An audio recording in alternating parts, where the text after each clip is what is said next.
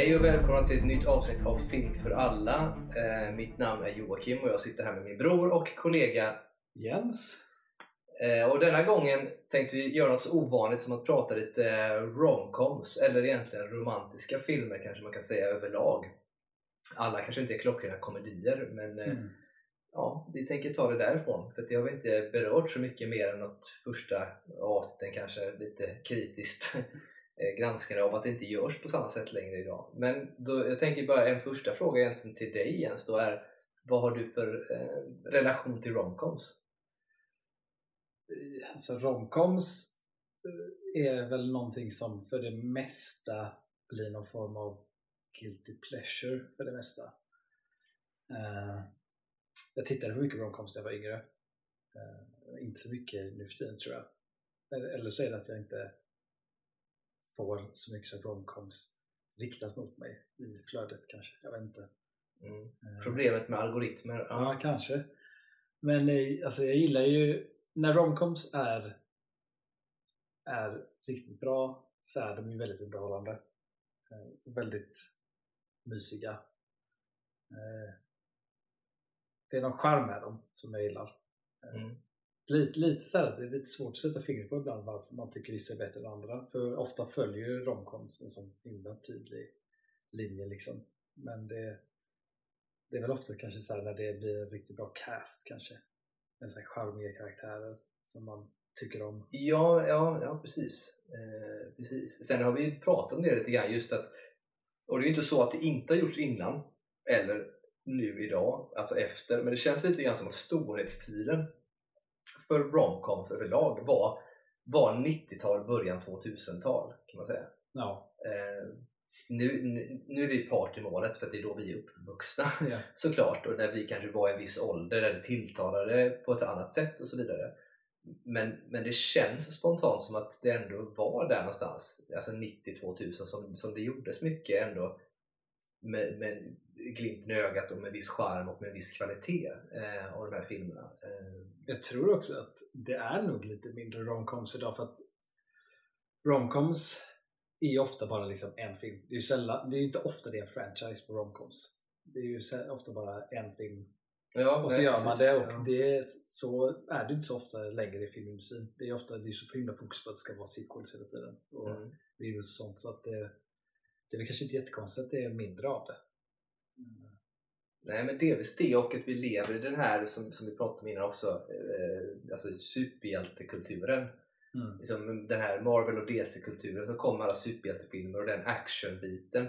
Så det är antingen det eller vill du ha då någon form av drama eller någonting som, som är motsatsen till det, någon form av kanske komedi eller någonting. Då blir det oftast antingen en ren komedi på något sätt. Även om det också görs kanske inte lika bra som förr på ett sätt men det blir det så blir det ett, ett rent drama eh, där det är romantik i. Men just Mm. romcom-biten, nu ska vi inte säga så här för att de som lyssnar känner säkert till mä- mängder av romcoms som har kommit ut nu men, eh, men det går liksom inte upp på bio på samma sätt som det gjorde förr.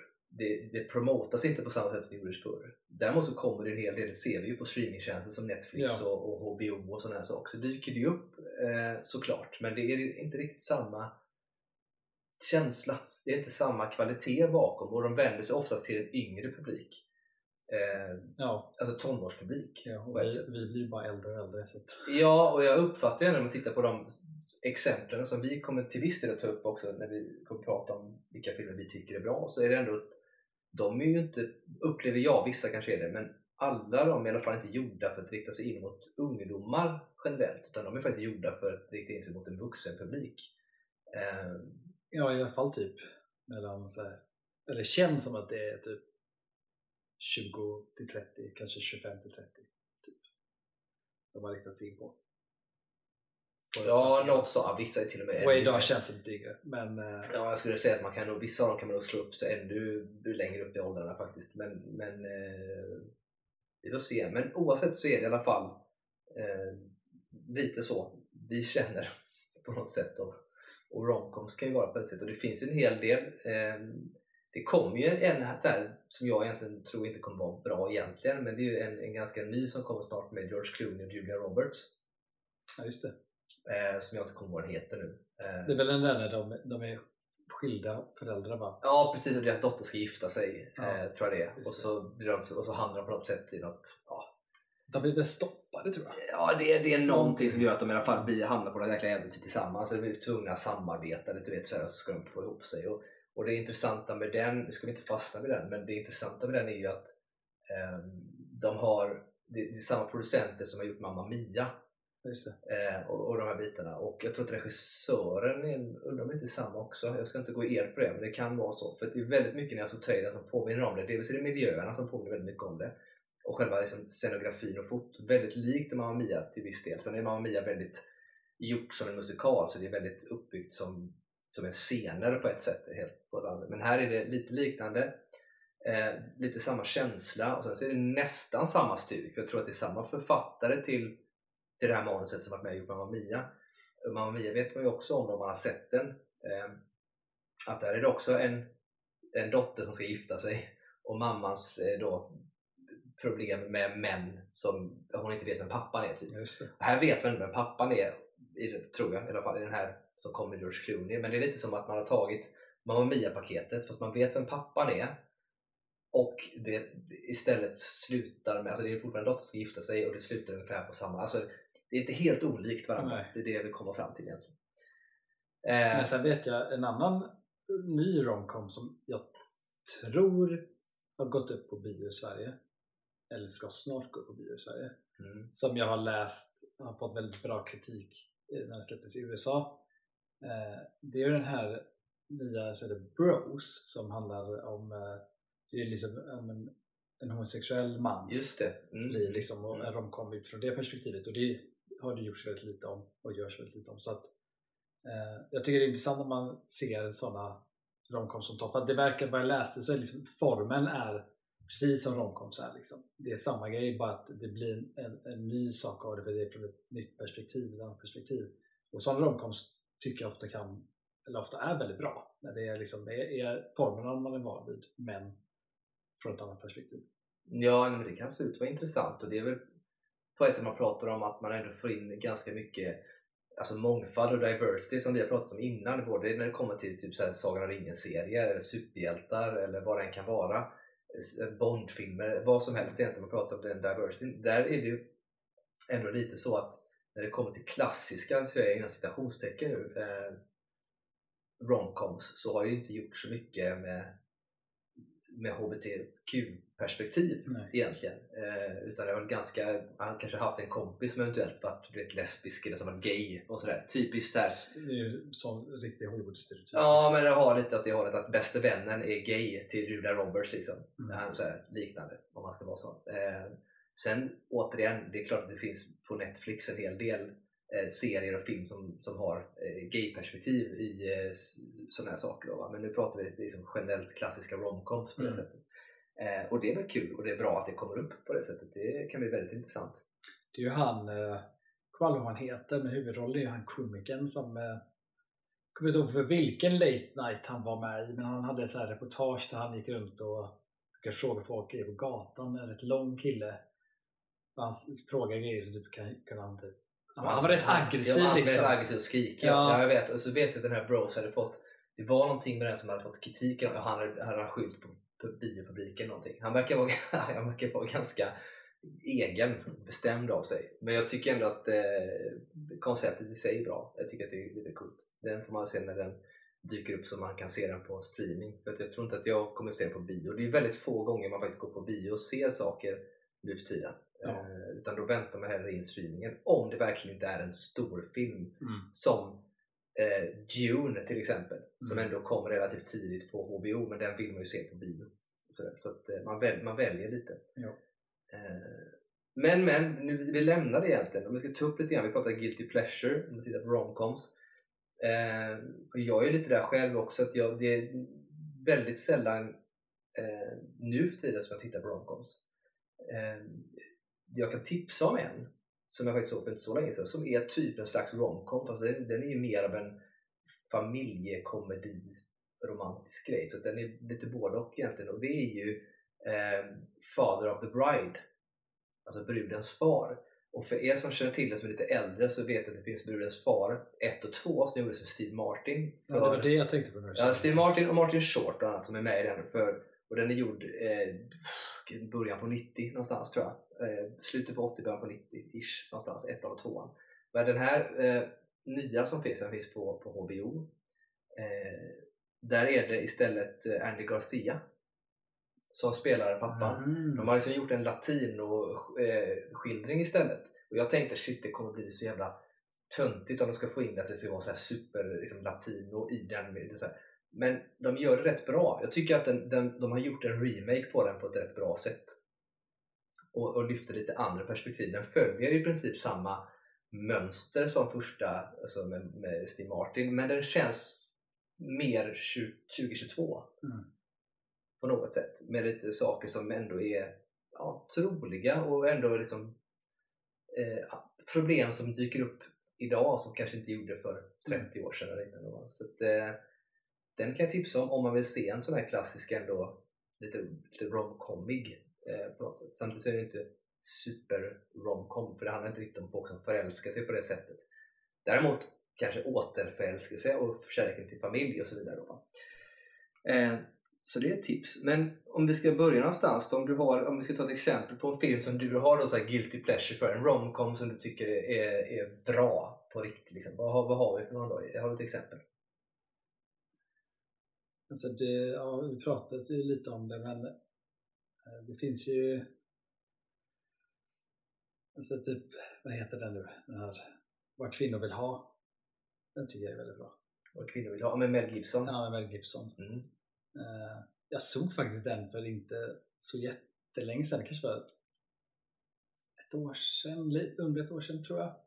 Eh, Och då tittade jag på den så här och tänkte hur, hur lever den upp till idag? Liksom. Exakt. Ja. För det handlar ju ändå om en så man som kan läsa kvinnors tankar. Hur han reagerar. Jag tyckte ändå att den höll upp ganska bra. Alltså, det är, ändå, det är ju klart man känner ju att den är en film från sin tid men ändå så här.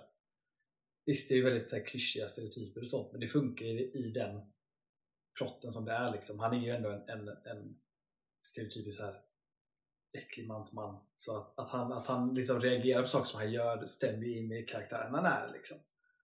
Eh, och det hade, tror jag hade stämt in även om det var den typen av karaktär idag. Liksom. Eh, så den tycker jag är väldigt rolig. Det är, liksom, det är en sån där romcom som känns som att den ska vara rätt ytlig när man liksom ser premissen och ser trailers och sånt där och bara tänker på det. Men när man väl tittar på den så det är någonting liksom mer med där. För att hela den här biten med den här eh, assistenten eller vad det är som Mm. man tror ska ha tagit livet av sig. Mm. Det, det hugger ju till liksom när man ser den filmen. Mm. Eh, och lägger till som ett ytterligare plan där och så hela dottergrejen. Mm. Eh, så jag tycker att den, det är, det är en, en som jag tycker är väldigt bra faktiskt. Mm. Den är, alltså den, jag håller med dig, i, för jag är också lite grann, det var inte så länge jag såg om den, men jag var inne på att jag skulle vilja se om den eh, igen nu för att ta det igen. För precis som, som du säger så tycker jag ändå att alltså premissen låter ju som att det här är helt sjukt. Alltså det här skulle inte gå hem idag att köra en sån grej.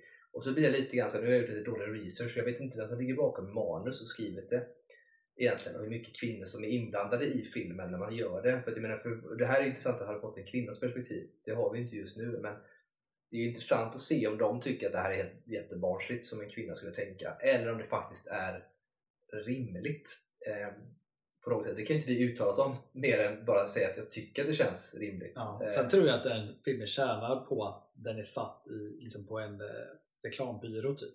ja, För helt klart. reklambyråer de kommer ju bara sätta folk i stereotyper. Så att det blir, även om, när de pratar om kvinnor i den här filmen så behöver inte det stämma med vad liksom kvinnor känner. att det är bara vad absolut. företaget nej, känner. så kan Så att de tjänar på att, Så kan absolut satt. vara. Jag tänker mer på sådana här saker, för det är Helen Hunt som spelar eh, kärleksintresset, man säga. Men jag tänker mer på saker som det hon tänker, liksom, Mm. som han får. Är det stämmer? Skulle de tänka? Och det känns troligt. Mm. Liksom. Och det handlar ju inte om att man ska göra kvinnor till åtlöje i filmen, utan tvärtom, vilket är intressant. Och man försöker ändå visa det, hur ytliga och grisiga män kan vara, framförallt med Gibsons karaktär. Men hur, hur mycket man faktiskt kan lära sig om man bara stannar upp och lyssnar egentligen. Och, och sådär då. Och att, ja, för premissen är, för er som inte har sett den, är ju helt enkelt att det- Alltså Mel Gibson jobbar på en reklambyrå. en mäktig snubbe som liksom kan det här med reklam, ganska stor på sitt ställe. Men det kommer in ändå eh, en kvinna in där som är hans konkurrent kan man säga. Men då ska ändå typ samarbeta men hon liksom får lite, just för att hon är kvinna också till viss del, eh, är det ju lite grann för att de vill liksom profilera sig lite genom Mm. att ha en, en kvinna som gör kampanjer mot kvinnor och sådana saker. Då? Eh, och det här gamla manssättet funkar inte riktigt. Så hon kommer in och han blir lite grinig på det och sådär. Så får han ju då chansen att så småningom då, alltså sätta sig in i kvinnors roll så här, för att han ska pitcha idéer till vad, vad kvinnor vill ha. Mm. Eh, och efter många om och men så, så händer, det händer någonting och så magiskt, precis som det kan hända ibland, så blir det helt enkelt så att han kan höra kvinnors tankar. Mm.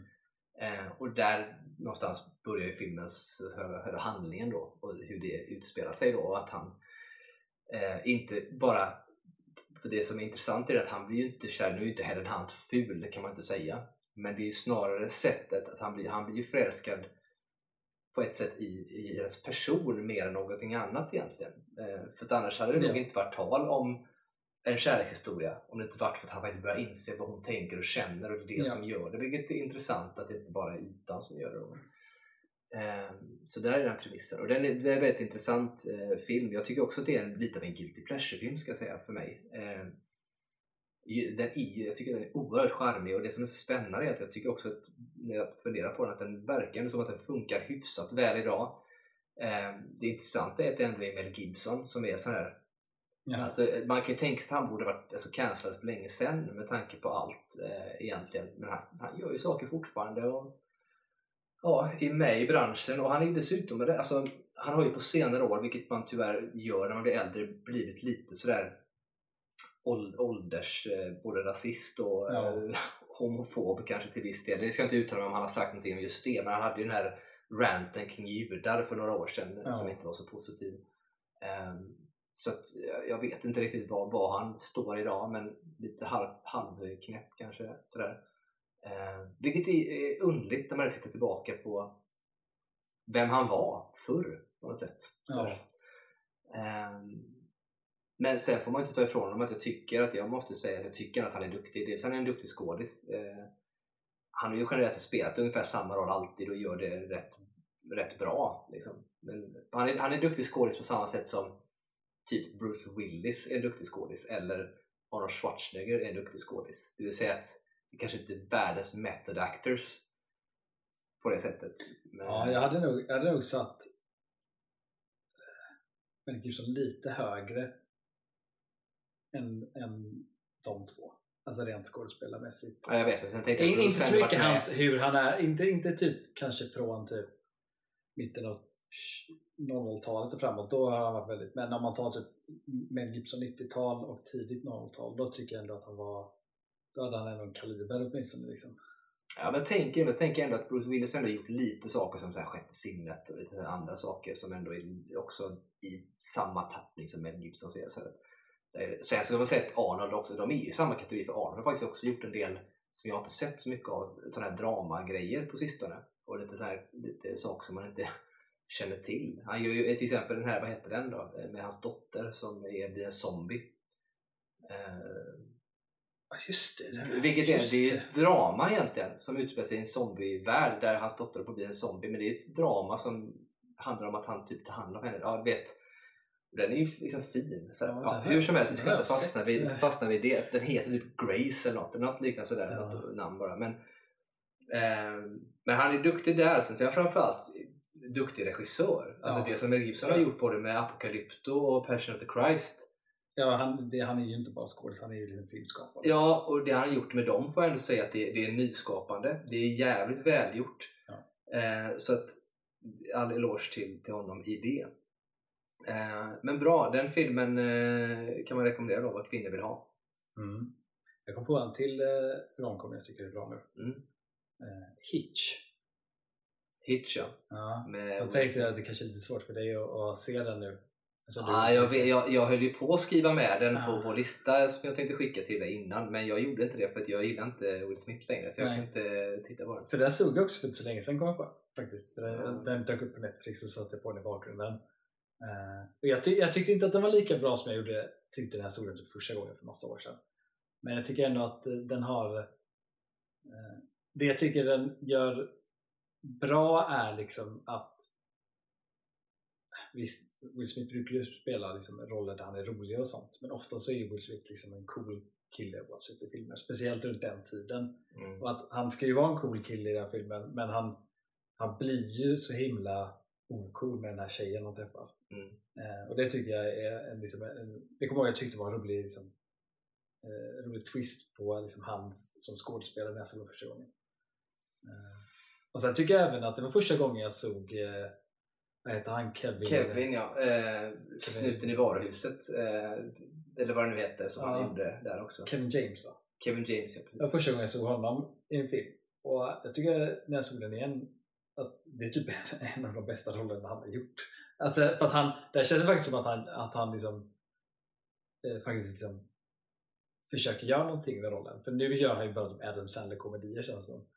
Ja, han har hamnat lite i det Där han facket. bara är sig själv. Ja, han har hamnat i facket av att upprepa sig själv. Han har Ja. nischat sig så gör han det. liksom, Han rings in till film, nu behöver du komma in och göra din grej och så får han göra det.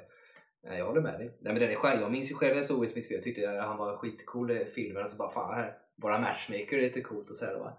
Eh, och den är också bra. Det är Eva Mendes som spelar kärleksintresset. Det är också därför Eva Mendes, jag är inte så förtjust i henne. Jag tycker hon är duktig men det, jag, tycker liksom, jag är aldrig, när jag ser henne i filmer, speciellt runt den tiden, så har jag alltid varit såhär, eh.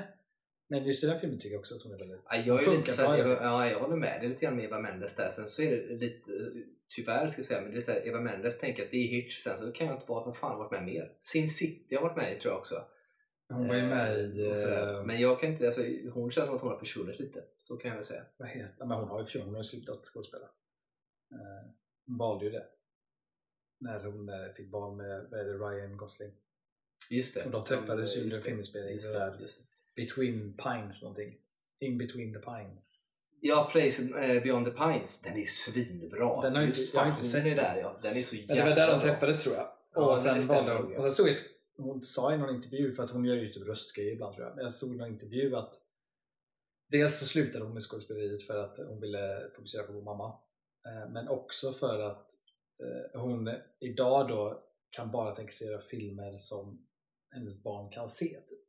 Så att hon vill liksom inte göra men typ så här romcom och sånt skulle hon inte vilja göra för hon vill inte att de skulle se henne i en sån roll till exempel. Och sånt. Så att skulle hon göra filmer idag så är det väl mest barnvänliga filmer. Herregud, ja det är ju väldigt, hon var ju verkligen familjecentrerad då kan man säga. Jag kom på en, det är inte de kom jag på en film hon är med i det jag tycker att hon är svinbra också. Ja. Och det är i The Other Guys när hon är Will Smiths fru. Ja jävlar, hon är med där, Där också. är- Men det är sådana saker som man tänker på, The Other Guys som du pratar om, eh, A Place Beyond the Pines och de här, då är det eh, så jag tänker inte på att det är hon som är med. Då tänker jag så här, Ryan Gosling, Other Guys är Mark Wahlberg och Will Ferrell. Alltså, tänker på att det, är hon. Och inget ont om henne, men hon känns lite grann som hon har liksom inte gjort avtryck eh, Mm. hos mig i alla fall. Sen är hon väl inte dålig egentligen, men jag kan, hon har lite så här med-känsla i sig. nu inte vi ska inte vi döma det, men Eh, men ja, Hitch, absolut. Eh, nu har jag lite svårt med Will Smith. Men jag kommer ihåg känslan från när man såg den första gången. Jag tyckte att det var jävligt coolt. Han var cool. Det är ju lite grann som att han spelar samma karaktär från Bad Boys fast han är inte polis utan han, han är en matchmaker istället. Mm.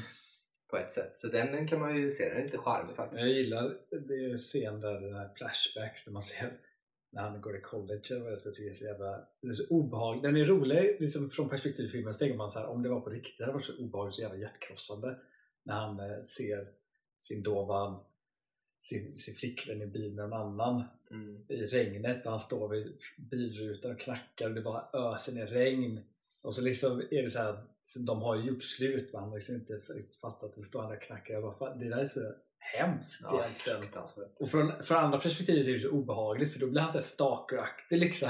Ja, alltså det är båda. Alltså det, är, det är så roligt. Det, det är lite grann så här man får den här ambivalenta känslomässiga biten av att det, dels att det är obehagligt och att det är cringeigt Ja. och det är fruktansvärt. Så man kan ju inte annat än att bara det är så absurt egentligen. Så man skrattar åt situationen och det är lite grann det här för att hade man helt plötsligt vet, lagt på ett annat filter, valt ett annat sätt att lägga upp kameravinkeln på så hade du haft en skräckfilm. Ja. Liksom. Så att eh, tunn gräns mellan skräck och, och komedi ibland kan man säga. Eh, vi fortsätter eh, med, med de här. Eh, för jag går in lite grann på eh, saker som jag tycker, nu kommer vi landa i, för det finns ju mängder av romantiska komedier. Vi kommer landa i, jag kommer ta allt i ett sjok här nu. Okej. egentligen. För att säga vad jag, för att jag håller med, många av de, de pratar nu håller jag med om, är charmiga eh, och tycker om dem väldigt mycket.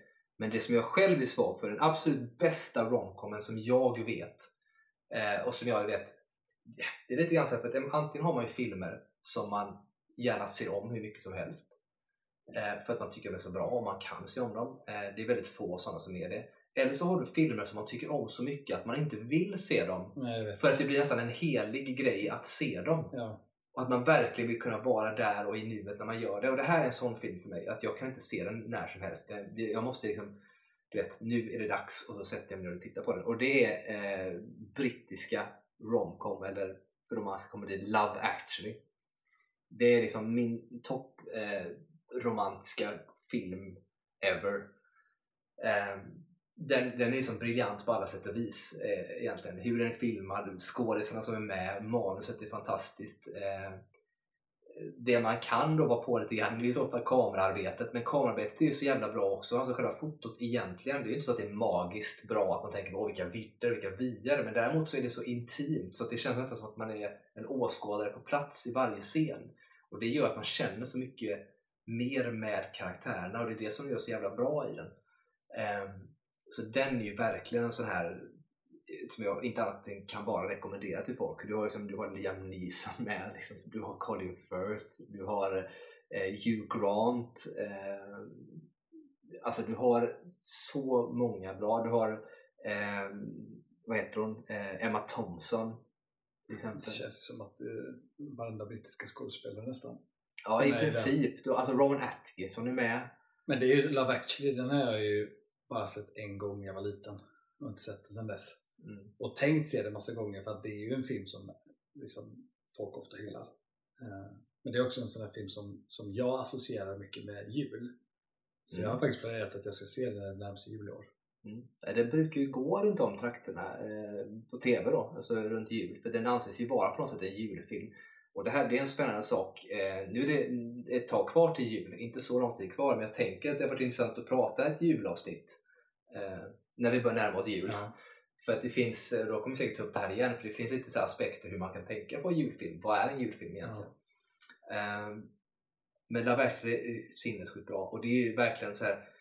Eh, det görs ju ganska mycket idag, har klart gjorts innan också. Eh, mycket ska jag inte säga, men den gjorde, när jag såg den första gången så var det liksom på ett sätt den första eh, romantiska komedin eller filmen jag såg där man, där man hade, följde så många olika karaktärer på håll Mm. som ändå visar sig på något sätt, de har ju lite band till varandra. Det är inte Mm. så att det är klockrent att, att de kommer samman allihopa sen på något sätt. Jo, det gör de fast de känner inte alltid alla varandra. Men de har lite så här småkopplingar mellan varandra och gör det så skickligt att få ihop allt det här. Sen är musiken otroligt jävla bra också ska jag säga. Eh, och, och väldigt fin. Alltså det finns allt från att det slutar lyckligt och man blir glad till en viss alltså, bitterdjup känsla när det kanske inte går som det var riktigt tänkt. Eh, men ändå slutar rättvist bra ändå och för filmens del bra. Eh, för att alla får inte ett lyckligt slut. Nej. Men det blir ett bra slut kan man säga. Så det är, det är liksom överlägset den absolut bästa eh, man kan tänka sig. Eh, fem av fem i den kategorin.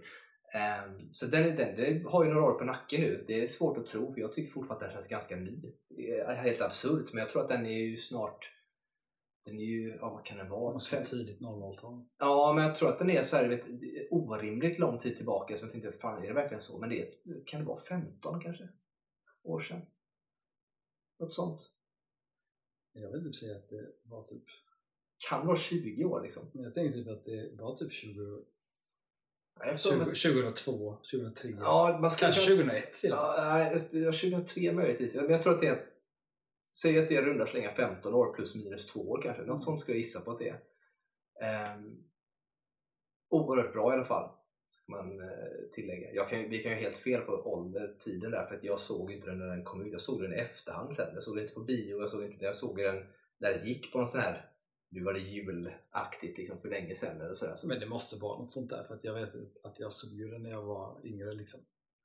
Så att, eh, Ja, jag vet inte vad det var. Jag har inte koll på när den kom ut. Liksom, för att jag, jag, ärligt kan man ju säga att det var kanske den filmen som fick mig att, liksom, att se andra romcoms också. Eh, och då kommer man osökt in på de andra som jag vill nämna, för nu har vi pratat om den här och den är ju en klassisk brittisk eh, komedi, romantisk komedi. Och där har vi de andra då, klassiska som också är väldigt bra. Eh, Notting Hill, en sån. Vi har eh, Fyra bröder på begravning, så kanske det är den första egentligen av de här som pratar om, eh, egentligen som kommer eh, i den eh, eran. Eh, så det är Fyra bröder på en begravning, som den är ju klart att det är, det är en romcom på ett sätt, men den är också lite mer ångestladdad tycker jag, Mm. mer än kanske de andra är. Eh, men då har den, sen har du Bridget Jones eh, trilogin egentligen, vi återkommer till det, och eh, The Holiday som är brittisk och amerikansk. Mm. The Holiday kan jag säga att den är, den är okej, men jag tycker inte att den är en av de bästa. Eh, helt klart. Eh, egentligen. Men vi kommer in på, vi tar Bridget Jones först och främst. Eh, där är det så har du sett Bridget Jones? Ett och två. Ja. Och alltså ettan har jag sett flera gånger. Tvåan har jag sett typ en och en halv gång eller något sånt där. Mm. ja, För jag tycker som sagt ettan och tvåan är bra båda två. Ettan är ju klart bäst egentligen. Eh, sen tycker jag att tvåan är charmig också för den, får ju, den går ju vidare ett steg och så eh, är den fin på sitt sätt. Och jag har ju alltid tyckt att de är bra. Det är också sådana här filmer till skillnad från Love actually som jag knappt vågar se om för jag måste vara rätt humör så kan Bridget Jones vara sånt där, det kan jag sätta på eller ha på TVn och då tittar jag på den. För där har jag inte samma koppling men jag kan se den igen för jag tycker den är ganska charmig. Mm. Eh, där har vi ett problem dock för att nu var det kanske, ja, kan det vara något år sedan som jag tänkte jag skulle se trean då, Bridget Jones Baby. Baby. Eh, den är inte rekommenderad någonstans skulle jag säga. Jag tycker att den delvis eh, så är den undlig med tanke på att Renée Zellweger har, har ah, hon, hon, hon, hon har ju alltid varit snygg. Sen så läste hon, alltså, gick hon ju upp i vikt och sånt där för Bridget Jones och blev charmig och så vidare. Men i det här tycker jag att det är så påtagligt att hon ändå typ har opererat sig och är mycket mer fixad kanske vad hon skulle vara innan. Och inget om det egentligen, men det är en del av det. Att hon eh, är det och samtidigt ska vara den här liksom, lite mysiga liksom Bridget som aldrig skulle göra sånt egentligen. Mm. Eh, sådär. Eh, så det är en sak. Och sen så hela premissen det byggs upp på känns lite, det vill säga det är så här långsökt, det är för mycket att det skulle vara troligt att det skulle bli så. Det är för mycket kopplingar som blir förlösa. Det känns som att de, de har velat göra en trea för att ta lite pengar Mm. och så har man inte haft ett tillräckligt bra manus egentligen som, som är bra nog. Egentligen. Och det tyckte jag, jag ska ju inte, kanske inte säga någonting för jag har inte sett klart den. Men Bridget Jones, är inte det baserat på någonting? Var inte det typ en novell? Jo, Bridget Jones, jo, för, först är nog en... Och då undrar jag om, om den här Baby också är en novell? Eller bok? Ingen aning. Nej, inte heller. Det har jag faktiskt inte en susning om. Jag tror inte, jag vet inte, det här får kanske lyssnarna avgöra. Eller vi kollar upp efteråt Ja. kanske i så fall. Men jag vågar nog, tänker mig att första vet jag är baserat på en bok. Men jag tror inte att det finns någonting efter det. Nej. Men jag är osäker. Eh, oavsett så är den inte bra. Nej. Kan jag säga. Det, jag tycker inte att den är, och jag, som sagt, jag har inte sett klart den. Jag kanske ska se klart den innan jag uttalar mig. Men jag kunde inte se klart den för jag tyckte den var för dålig. Mm. Det är väldigt svårt att se att man på de sista, kanske vad kan det vara, halvtimmen, 40 minuter jag har kvar skulle kunna hämta hem det. Eh, det har aldrig hänt. Så det tror jag inte. Så den kan man räkna bort tycker jag. Egentligen. Ja, Bridget Jones 1, det, det tycker jag är så kul med den är ju att det är en så bra blandning av typ charm och awkwardness. För hon är så jävla pinsam. Ja, Och det är det som är så roligt liksom. ex- ja det är är pinsam på ett charmigt sätt. Ja, och det är det här som är grejen. För det, är lite grann, det finns ju det här att man kan tycka något är cringeigt och jobbigt så att man tycker att det är jobbigt att se på det. Men det är det här, och det här tycker jag britterna generellt sett är överlägset bäst på att göra. Svenskar suger på det. Eh, för att jag tror inte att vi vill göra det, för vi vill bara skapa awkwardness när vi gör film. Men britterna är så jävla bra på att skapa att det blir awkwardness men, och, och lite cringe, fast man känner inte det. det man blir inte dåligt på samma sätt. Det blir liksom inte en grej av det. Man, man håller liksom inte kvar vid vare sig scenen eller känslan utan sen går man vidare och så Mm. är det gjort. Där är de absolut bäst. Ehm, inte vi i Sverige, men det, jag har redan klagat på svensk film tillräckligt. Ehm, så att, nej men det är bra, Bridget Jones. Jag tycker att uh, ettan, tvåan, superbra. Trean behöver man inte se. Så det är väl egentligen de ska jag säga. Sen har du ju då Notting Hill som vi nämnde lite grann och den är ju inte något konstigt med egentligen. Den är ju bara charmig. Hugh Grant som kanske är typ så här där Hugh Grant kanske den rollen han, han var född för att göra i princip. Nej, Notting Hill det är ju sån film, jag, tror, jag, vet, jag vet inte ens om jag faktiskt har sett hela Notting Hill. Jag kan ha sett typ 70% av det någonting. Jag, för det var så länge sedan jag kommer inte ihåg det. Men det är ju Hugh Grant. Är det Julia Roberts. Julia Roberts ja. ja. Jag, ja Julia Roberts är inte jag så förtjust i. Eh, Nej, men, Så, att- och, inte, och den tidens Hugh Grant var jag inte heller så förtjust i när jag var i den åldern när, liksom, när man kunde se den när jag var liten. Eh, Så jag tror det är därför jag liksom aldrig riktigt tittat på den. Jag Nej. tror att jag skulle säkert tycka om den mer idag. Det tror jag.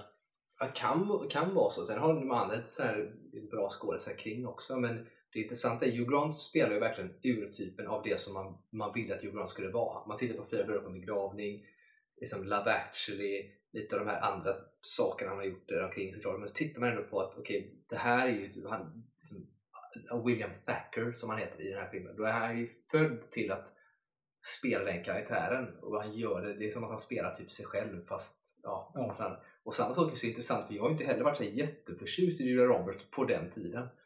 Ehm, eller kanske någonsin egentligen. Sen tycker jag att hon har varit bra i mycket saker men liksom, aldrig känt att är lite som Eva Mendes på ett sätt, inte gör avtryck. Samtidigt så har vi vuxit upp med att hon är en storstjärna så att hon är ju är ju i huvudet ändå på något sätt. Mm.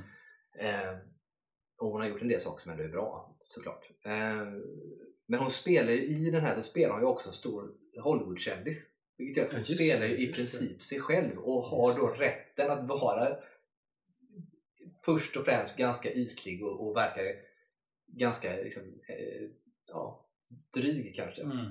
Till viss del. Men eh, och där gör hon det bra. Man blir ju lite ändå förälskad i henne. Mer kanske förälskad i Hugh Grant i och för sig. Han är så jävla charmig där. Men man blir ändå lite förstår att han tycker om henne och hon tycker om honom så småningom. Men den är, innehåller en del väldigt kända citat som används idag. Eh, på många sätt. Framförallt den här I'm just a girl standing in front of a boy eh, citatet som kommer från. Notting Hill eh, som är oerhört fint. Eh, och sådär. Så det finns en del bra saker därifrån. Eh, också eh, klart säger. Eh, vad har vi mer då? Vi har ju, nu har vi rört oss lite grann i Brittland. Vi kan ju bara kort nämna, för det känns hemskt att inte göra det, och det är att nämna Mamma Mia-filmerna.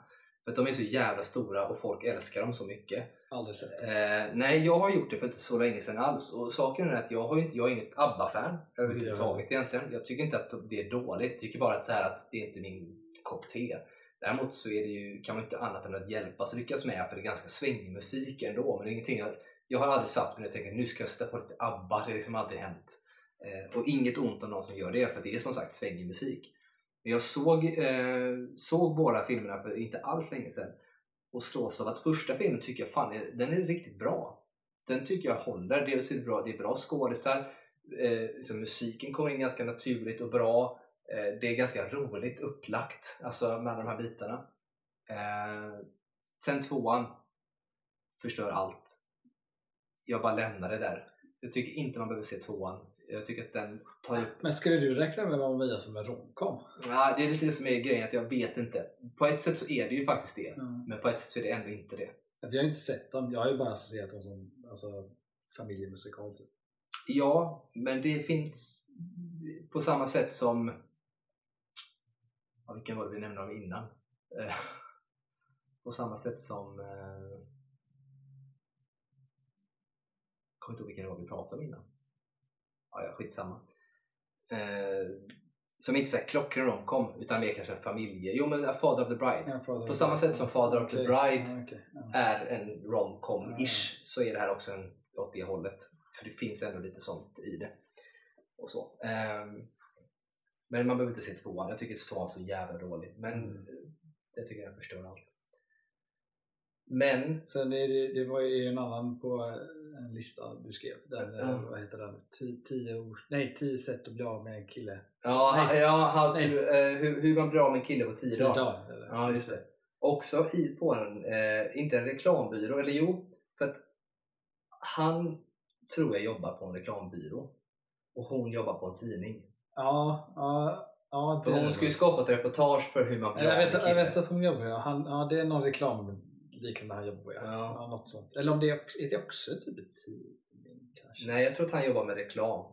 Ja, det är nog, det är nog reklam. Något sånt. Och hon jobbar då på en tidning. Och hennes, han, han, det, är de, det är något vadslagning de har där. Han ska ju på något sätt sälja någonting till kvinnor. Eller han ska, det är någonting sånt. Att han ska, du vet, få, Ja. får tjejen och hon på sitt sätt ska då, hur blir man av med en kille på tio dagar? Ja, för det, det, premissen är ju, är ju liksom rolig från start eftersom att han är ju liksom en cool kille som liksom har inga problem med tjejer och allt sånt där. Och Matthew McConaughey, Ja, Matthew. McConaughey som liksom bara tjejer överallt liksom. Men så blir det ju då, jag kommer inte ihåg hur, men av någon anledning så är det något vad han gör på något sätt. Så att han då ska behålla en Ja, tjej. ja, i princip liksom, så det och så råkar det vara då, vad är det hon skådisen heter nu?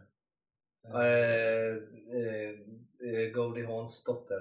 Eh, Jag kommer aldrig ihåg vad hon heter. Men ja, jag heller. Hon i alla fall, hon, då- hon då är ju eh, jag kommer inte ihåg exakt men där, är det mycket så prat om liksom, vad, vad liksom då en ki- kille eh, söker kanske typ och va, varför det inte funkat för henne och liknande sånt där och så blir det att hon ska dö då eh, bli av med en kille Mm. på tio dagar Kate Hudson heter hon. Och så blir det, råkar det vara att det är just de två som träffar och de vet ju inte om detta hos varandra utan det är det som är det roliga Nej, så att hur illa hon, försöker sig. bete sig som ett hemskt as Ja, och bli av med honom och han måste hålla sig kvar för att han ska precis. vara kvar. Och, och ju mer det bara går så börjar det bli, ja, det, ni förstår ju själva. Det, blir- det, väldigt, det är också en oerhört charmig film. Ja. Där kommer man inte undan att Matthew McConaughey, vad han än gör, är ju en jävla charmig person. Ja. Alltså det, ser man en komedi eller ser man en, en actionfilm eller vad som helst, han har ju en sån fruktansvärd jävla southern charm. Så att, Ja. ja, det är helt sjukt. Få människor som är det, som kan fånga på det sättet. Nu ska vi inte prata andra saker, men True Detective till exempel, även om han är en ganska hemsk karaktär, han spelar Rusty där, eller, i den, så är han ju även i den med sin southern charm, någon man, man kan inte hjälpa än att bara lyssna och dras in i honom. För att han är som han är. Mm. Sjukt bra. Och det är han här också. Och sen är ju Kate Hudson lite så här, vad ska man säga, flickan i karriären, girl next door typen. Mm. De är så, lite så här match made in heaven grejen nästan. Ja, men det, alltså, den filmen är ju verkligen alltså, klyschig på alla sätt. Det är den ju. Det är bara att den blir så bra för att de två funkar så bra. funkar oerhört bra och det är ingenting, de känns inte heller som andra kanske ska göra typ jobbiga i det. Utan det bara, det bara är. Den, och den kom helt rätt i tid ska man säga också. Ja. Eh, Jag vet inte hur det skulle vara om någon som aldrig har sett den ser den idag. Det Mm. vet jag ärligt talat inte hur det skulle vara. Men, men jag tycker den är svinbra också. Mm. Faktiskt oerhört charmig film. Eh, Så den kan man absolut rekommendera också. Jag kommer att tänka på en annan eh, romcom nu som är lite, lite lik den i typ, vad jag kan minnas i alla fall. Down with Love. Då är det hon, eh, Renée Zellweger och Hugh McGregor. Som är så här också, det är ju lite av en epokfilm, den ska ju föreställa 60-tal ja. Ja, Eh, ja, där de gjorde den här, eh, det var väl Robbie Williams och eh, var det Kylie Minogue som gjorde alltså filmmusiken till den. det är en sån film man är inte beredd på hur charmig den är. Eh, och, och jag gillar Hugh McGregor den för att han, han är ju typ ett as i den. Vilket han sällan spelar. Ja, Vilket är väldigt roligt. Jag kommer inte riktigt ihåg premissen i den för det är också någonting att de eh, förvirrar sig. Nej, jag kommer inte heller ihåg det. Nej, jag, jag, hon, ska väl skriva en bok tror jag. ja, det stämmer nog. Ja. Eh, för det är någon bok i heter slutet typ i alla fall. with Love. Ja, det är exakt. det du går ut på typ. Eh, och han är ju någon sån här storfräsare som... Eh, Ja, men det är något sånt. Han Jag har, inte, jag, jag har inget emot det. Jag har sett den en gång men jag minns inte att jag fastnade alls den på det sättet. Den är väl helt okej men det är ingen som har lagt sig på, på minnet särskilt mycket egentligen. Eh, så. Men det kan man ju titta på kanske om man skulle vilja. Ehm, bra, Matthew McConaughey, alltid bra. Han har gjort en hel del andra, han har gjort såna här andra sådana romcoms under den perioden han blev- började bli stor. Ehm, som inte bara är den. Eh, han har gjort en som heter Ghost of Girlfriends Past som är i princip, eh, eh, vad heter det? Eh, Typ, eh, Dickens, Christmas alltså, ja, men Carol. Christmas Carol eh, fast, eh, fast nu och han är en man som får liksom, flickvänner som säger hur han gjort då. Den är, så här, den är också så supercharmig för att han är med i den.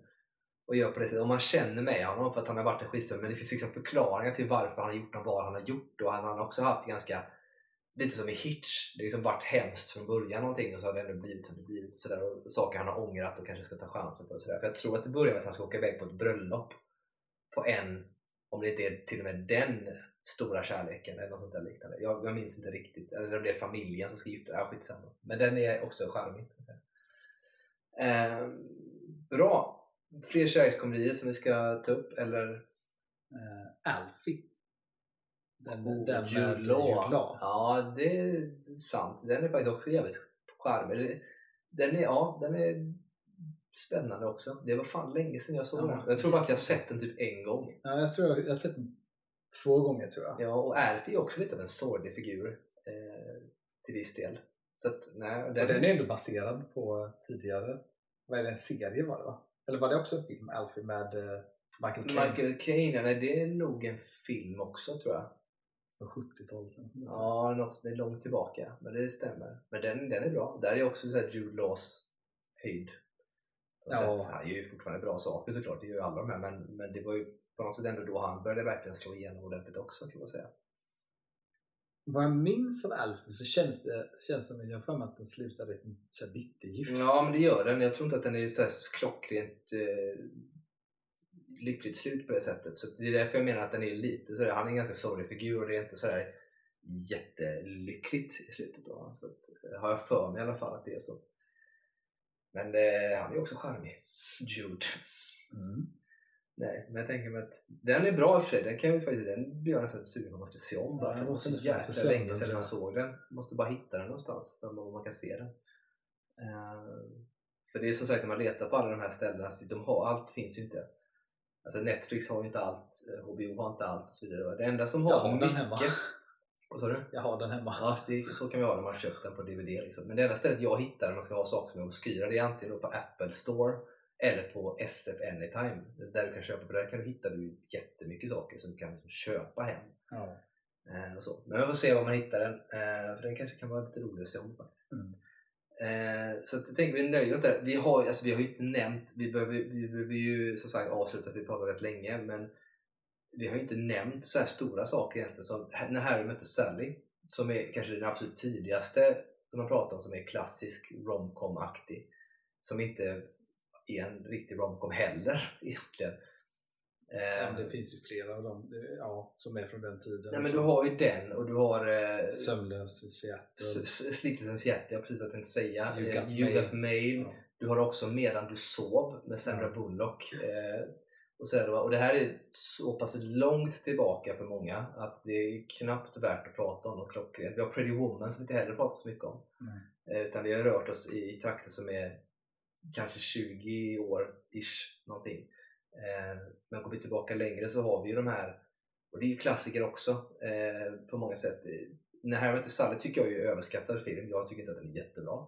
Men det är också sett med dagens ögon. Eller man ska säga. Mm. Jag tycker att har man inte sett den så bör man se den för den är ändå på något sätt ändå varit en film som haft ett stort avtryck i andra filmer som gjorts efteråt. Mm. Lite sån här paradigmskiftande film kan man mm. säga som gjordes. Um, så den kan man absolut se. Och sen tycker jag i Seattle är värd att se. Uh, helt klart. You Got Mail, den kan man se men man behöver inte. Sleepless in Seattle i så fall bättre. Uh, det är typ samma skådis i alla fall. Så det ja, exakt. Ja. Ehm, så det är väl dem. Ehm, och Pretty Woman som du inte har sett. Ehm, och det är en film som det handlar ju om eh, Julia Roberts som är prostituerad som blir köpt av Richard Gere i princip. Och en kärlekshistoria på det. Och det är ju svårt att förstå det idag och ens alltså, fatta charmen bakom det. För det är i så fall Richard Gere som var supercharmig på den tiden och det stora namnet spelar den här charmiga snubben som då på något sätt inte har tid med annat än att köpa sex. Eh, och det är ganska douchigt och vidrigt idag. Alltså det känns, hade man frågat för fem år sedan så hade folk fortfarande tyckt att det var en bra film. Den är charmig och gullig. Men i och med allt som varit från mm. kanske fem år sedan och, och fram till nu, den, den håller ju inte längre. Den har ju tappat så fruktansvärt mycket. Ja, men den är, också, den är lite som det här med Salad, det är en film som har gjort ett avtryck på så många andra filmer och filmskapare. Liksom. Absolut. Så jag tror att den, den höjs ihop av det också. Uh, jag, alltså jag har aldrig haft ett intresse av att se den. Och jag tror fan jag kommer nog, jag kommer nog aldrig se den. Uh, för att jag tycker inte, alltså det mesta jag sett av den har varit här eh, Netflix-dokumentären när de tar upp uh, filmer. Ja, hur de skapar. Ja, och där såg jag delar av den och för mig var det så här, det räcker. Typ. Mm. Men jag gillar inte henne så mycket och Richard Gere är inte heller så jätte...